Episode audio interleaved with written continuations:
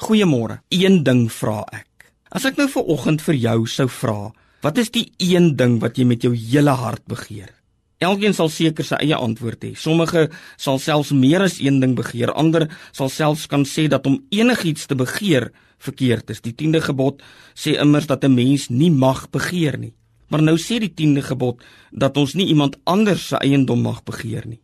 Toe Salomo voor so 'n keuse gestel is, het hy wysheid gevra en die Here het hom daarvoor geprys. Salomo se pa Dawid het ook net een ding gevra. In Psalm 27 vers 4 lees ons: Net een ding het ek van die Here gevra en dit sal ek najag, dat ek my hele lewe lank in sy huis mag woon om sy goedheid te belewe en daaroor na te dink in sy tempel.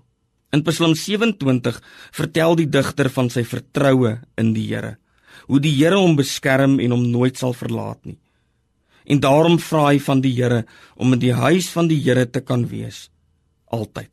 As die Here wil, het ons môre ook so geleentheid om in die huis van die Here te wees. As ons die vermoë en die geleentheid het, mag dit ook ons begeerte wees om dan in die huis van die Here te wees. Want daar beleef ons sy goedheid en dink ons daaroor na saam met medegelowiges. Met al die dinge wat jy voorvra, vra vandag en môre net hierdie een ding om in die huis van die Here te kan wees. Een ding vra ek. Ons bid saam. Ons God en Vader, help ons om met wysheid en versigtigheid deur hierdie dag te gaan. Laat ons nooit met die versoeking speel nie, maar alles wat die skyn van die kwaad het vermy.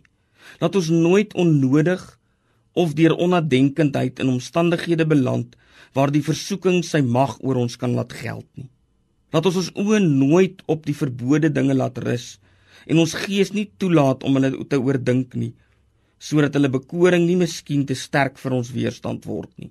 Laat ons met elke tree vandag ons oog gefestig hou op Jesus, sodat sy lig ons mag lei, sy teenwoordigheid ons mag beskerm en sy liefde ons mag versterk en besiel. Dit vra ons om u liefde ontwil.